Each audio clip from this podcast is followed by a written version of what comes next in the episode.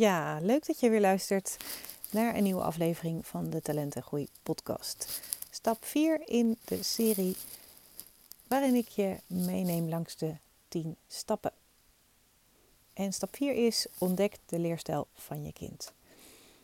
Want het inzicht dat je leerproblemen ook van een andere kant kunt bekijken, maakt dat je eigenlijk al een eerste stap hebt gezet. En het zien dat de problemen van je kind het gevolg kunnen zijn van uh, anders denken en doen, is iets totaal anders dan uitgaan van stoornissen of tekortkomingen die ja, gerepareerd moeten worden. En ik wil je eerst meenemen in mijn uh, eigen verhaal, want dit was voor mij echt een enorme eye-opener. En daarna zal ik je de ehm, denkmanieren en leerstijlen uitleggen. Dus ik ehm, neem je even mee in mijn eigen verhaal, wat ook in mijn boek staat. En ik schreef daarin: uh, Als je mij twintig jaar geleden de vraag had gesteld: hoe denk je eigenlijk? dan had ik daarvan geen idee gehad. Ik had er nog nooit over nagedacht eigenlijk, totdat ik ontdekte dat er verschillende denkmanieren zijn. En uh, die ontdekte ik dus uh, door de cursus van de kernvisiemethode. En dit inzicht kreeg ik eigenlijk doordat ik op zoek was naar een oplossing voor een jongen die vastliep op school. En in die tijd testte ik dus nog kinderen. En uit de test die ik had afgenomen kwam naar voren dat hij qua taalvaardigheid duidelijk zwakker scoorde dan zijn visueel-ruimtelijke vaardigheden. En in vaktermen wordt het ook wel de verbaal-performaal kloof genoemd. En ik had het gevoel dat deze jongen veel meer kon dan hij liet zien. En daarnaast wilde ik heel graag zijn ouders en de leerkracht eh, goed kunnen adviseren over wat ze voor hem konden doen. En de wijze waarop de verschillende denkmanieren in de kernvisiemethode zijn beschreven, zorgde er voor mij voor dat alle puzzelstukjes op zijn plek vingen, uh, vielen. Sorry. Uh, ik las over de functies van de twee hersenhelften en de bijbehorende leerstijlen. En nou, je kon bijna letterlijk de kwartjes horen vallen zo ontdekte ik dus dat ik zelf een leerstijl heb die visueel en gevoelsmatig gericht is. Terwijl er ook mensen zijn die een meer auditief-digitale leerstijl hebben. En dat verklaarde waarom ik altijd zo hard moest werken op school. En ik ontdekte dat dit de reden was waarom zoveel kinderen het zo moeilijk hebben in het huidige onderwijssysteem. En met deze nieuwe inzichten zag ik mogelijkheden om al die kinderen die in mijn ogen onnodig vastliepen op school echt te kunnen helpen. En uh, toen ben ik dus de opleiding gaan doen bij uh, Wim Bouwman. En als je daar nieuwsgierig naar bent, luister dan vooral ook aflevering 2, waarin ik uh, een gesprek heb met Wim, waarin hij ook deze leerstijlen uitlegt. Dus een mooie aflevering om te beluisteren als je dat nog niet hebt gedaan. En het mooie vind ik dat het hele praktische handvatten geeft om makkelijker te kunnen leren op een manier die past bij de kinderen. Dus terug naar de kinderen, want uh, hoe zit dat? Nou, er is een best een grote groep kinderen, zo'n 25%, die niet kunnen meekomen op school. Die niet de resultaten halen die je op basis van hun mogelijkheden zou verwachten. En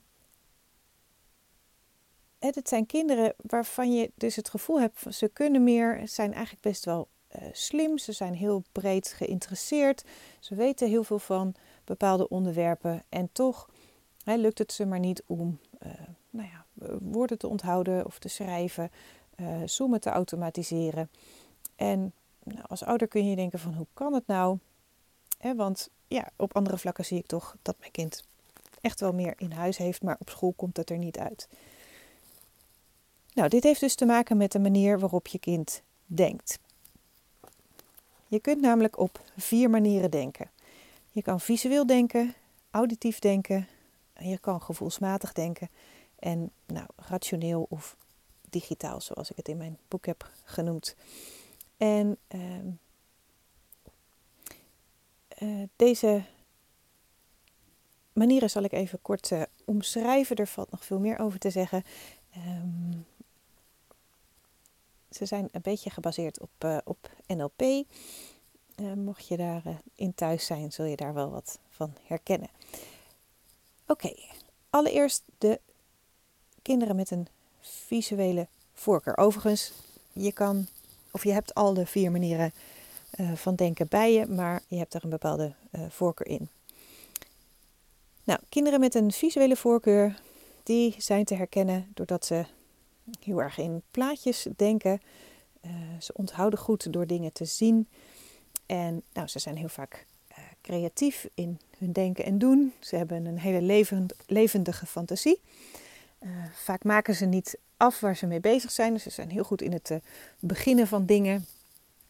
Maar ze maken het vaak dus niet af. Ze praten snel, slaan woorden over, of zeggen heel vaak dinges, of je weet wel, want in hun hoofd is dat plaatje langsgekomen, maar de toehoorder weet niet waar ze het over hebben. Um, ook zijn het kinderen die een heel groot associatief denkvermogen hebben.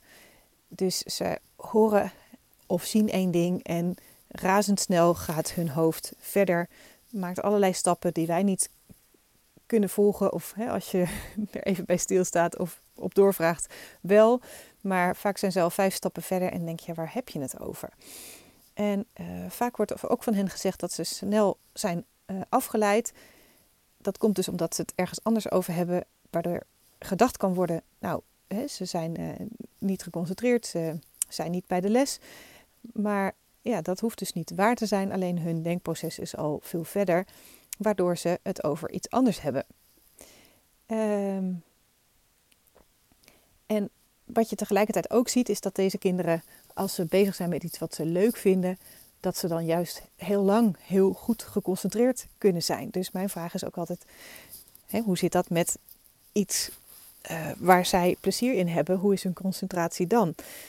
Nou, vaak moeten we dan constateren dat met de concentratie dus uh, eigenlijk niks mis is, maar dat het eraan ligt um, wat het kind moet doen. Nou, ten tweede de auditieve kinderen. Kinderen die een auditieve voorkeur hebben, die kunnen vaak goed meekomen op school. En ze houden vaak van lezen, schrijven, kunnen dus goed luisteren en spreken. En dat zijn activiteiten die op school ook vaak aan bod komen. Dus ja, dat past en daardoor gaat het hen makkelijk af. Dus deze kinderen kunnen uh, goed onder woorden brengen uh, wat ze bedoelen. Ze hebben een rijke woordenschat en zijn vaak rustig. Nou, ten derde de gevoelsmatig, ofwel kinesthetisch met een mooi woord, ingestelde kinderen. Uh, zij richten zich vooral op hoe iets voor hen voelt. En zij leren vooral door doen en ervaren. En ze hebben ook heel vaak de behoefte om dingen uit te proberen en ehm, aan te raken ook. Dus dat zie je ook vaak bij hen terug, hè, dat ze het eh, leuk vinden om fysieke dingen te doen, zoals sport, dans, eh, toneel, eh, knutselen. En nou, typische kenmerken van deze kinderen zijn dat ze rustig zijn. Het zijn kinderen die eerst even de kat uit de boom kijken, zo gezegd. Ehm, ze hebben vaak net even wat meer tijd om iets tot zich door te laten dringen en een reactie te geven. Vaak wordt dus ook gedacht dat een kind het niet weet, omdat ze niet meteen antwoord geven. Maar zij zijn in hun hoofd eigenlijk allemaal opties aan het uh, langsgaan, waardoor het eventjes kan duren voordat ze een antwoord geven. Dus ze zijn vaak dromerig, ehm, makkelijk afgeleid en ehm, In tegenstelling tot de kinderen met een visuele voorkeur zijn het uh, niet de kinderen die uh, nou, de initiatiefnemers zijn, hè, dus die ideeën hebben. Maar als het idee er is, dan kunnen ze dat wel mooi nou, aankleden, zeg maar. Nou, de vierde denkmanier is het uh, rationele of digitale denken. Ehm, nou, ook deze kinderen hebben over het algemeen geen moeite met school. Ze zijn goed in beredeneren, dus ze kunnen analytisch denken. Ehm, ze halen goede cijfers. Ehm, ze vinden het belangrijk dat iets uh, klopt, hè, dat iets logisch is. Ze kunnen makkelijk stapje voor stapje dingen doen. En ehm, nou, vaak zie je dat ze iets meer gericht zijn op zichzelf dan op anderen. Maar nogmaals, dit zijn niet de kinderen die, die ik vaak tegenkom, want dit type kind past heel goed in het schoolsysteem. Dus uh, nou, die lopen niet vast. Dus je voelt er misschien al aankomen dat de kinderen die vastlopen op school, dat zijn de kinderen die een combinatie hebben van het visuele en het gevoelsdenken. En daarmee kom ik ook op de leerstijlen. Um, want zoals je weet hebben we een linker en een rechter hersenhelft. En de linker hersenhelft is meer gericht op details en dingen als volgordelijkheid, analytisch denken en ja, logisch denken, rationeel denken. En de rechter hersenhelft is meer gericht op het grote geheel en de, de beelden, plaatjes, ervaringen en emotie. Nou, en wat je dus ziet is dat Ehm, binnen het Nederlands onderwijs worden kinderen vooral aangesproken op het denken en leren van met hun linker hersenhelft. dus je moet goed kunnen luisteren naar de uitleg in woorden, dus dat is het auditieve. En vervolgens wordt er in stapjes naar het antwoord toegewerkt, volgens regels vaak. dus dat is het digitale stuk. En ehm, daarbij is ook het uitgangspunt dat door herhaling de lesstof uh, vanzelf eigenlijk in het lange termijn geheugen wordt opgeslagen. opgeslagen. Maar nou ja, dat werkt dus voor een uh, grote, uh, of ja, groep kinderen werkt dat wel, maar niet voor alle kinderen. En nou ja, dat zijn de kinderen die vastlopen. En ja, doordat het hen niet lukt, gaan zij denken dat ze het niet kunnen. Omdat leren of dingen onthouden zoveel moeite kost voor hen.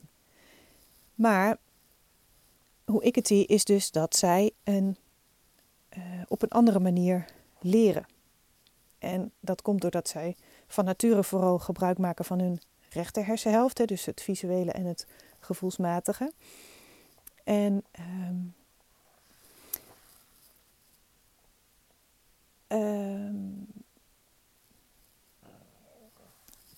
deze kinderen die um, hebben een uh, sterk visueel geheugen.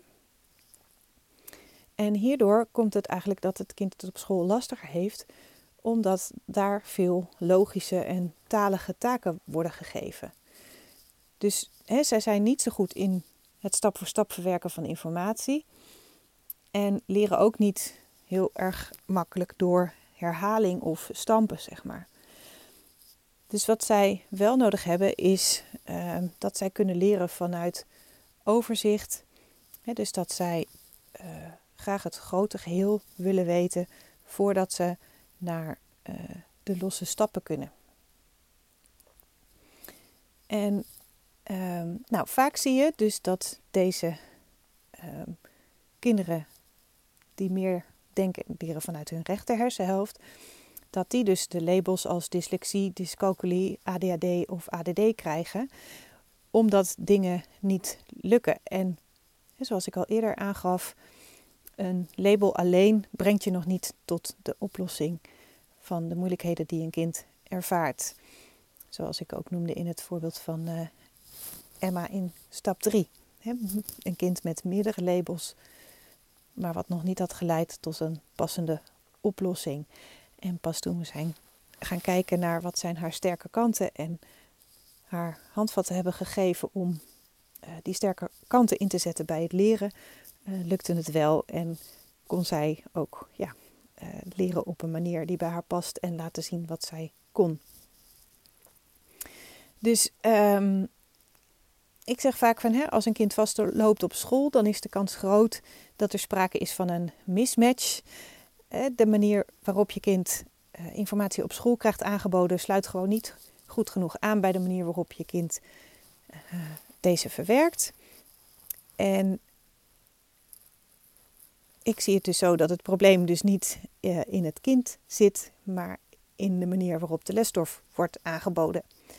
Dus het is niet de dyslexie, de ADD, de dyscalculie of een ander stempel waardoor het leren niet lukt, maar een andere leerstijl ligt daaraan ten grondslag. En als dat je uitgangspunt is en je daarmee aan de slag gaat, dan lukken heel veel dingen ineens wel. Um, dus wat je dan ziet is als kinderen in staat zijn om ja, hun sterke kant van hun hersenen maar in te zetten, dat het leren dan veel makkelijker gaat en dat ze ook veel effectiever leren. En dan ervaren ze ook dat leren leuk kan zijn omdat die dingen lukken. Dus um, uitgaan van een andere leerstijl in plaats van een tekortkoming of stoornis werpt meteen een heel andere kijk op de problemen tussen aanhalingstekens die een kind ervaart. Um, dus nogmaals, als je weet aan te sluiten op die sterke kanten, dan zie je dat kinderen het, uh, het wel kunnen. Alleen moeten ze dus wel de informatie aangeboden krijgen op een manier die bij hen past. Um, dus dit is uh, wat mij betreft een heel belangrijk stuk. Hè? Dus hierdoor uh, krijg je meer zicht op hoe je kind denkt en leert. En uh, snap je ook hoe dat zit. Nou, ben jij nou nieuwsgierig of jouw kind op een andere manier denkt en leert? vraag dan de leersteltest aan die ik op mijn website heb staan. Dat is een korte vragenlijst. dat geeft een indicatie van hey, is jouw kind misschien uh, meer een, kind wat visueel en gevoelsmatig denkt. Het is natuurlijk geen wetenschappelijke test of zo. Het is gewoon een korte indicatie, maar het kan je al wel inzicht geven. Er zit ook een korte beschrijving bij hè, van wat dat betekent. Ik heb het net ook al een aantal kenmerken genoemd, maar dan heb je het ook op papier. Dus um, ik zal het linkje onder deze aflevering zetten. Of ga naar mijn website. Als je eh, www.talentengroei.com intoetst, word je doorgelinkt naar hulp met leerproblemen.nl. Maar die URL is zo lang. En um, nou, op de homepage staat al een mogelijkheid om de test aan te vragen. En anders staat die ook nog onder het kopje gratis. Dus um, als je nieuwsgierig bent of jouw kind of leerling of misschien jezelf, hè, dan uh, moet je de vraag gewoon net even anders lezen en een klein beetje vertalen. Maar uh, dan krijg je in ieder geval een indruk en dus krijg je ook nog wat meer informatie over uh, de leerstijlen en wat je kan doen. Heel graag tot de volgende aflevering.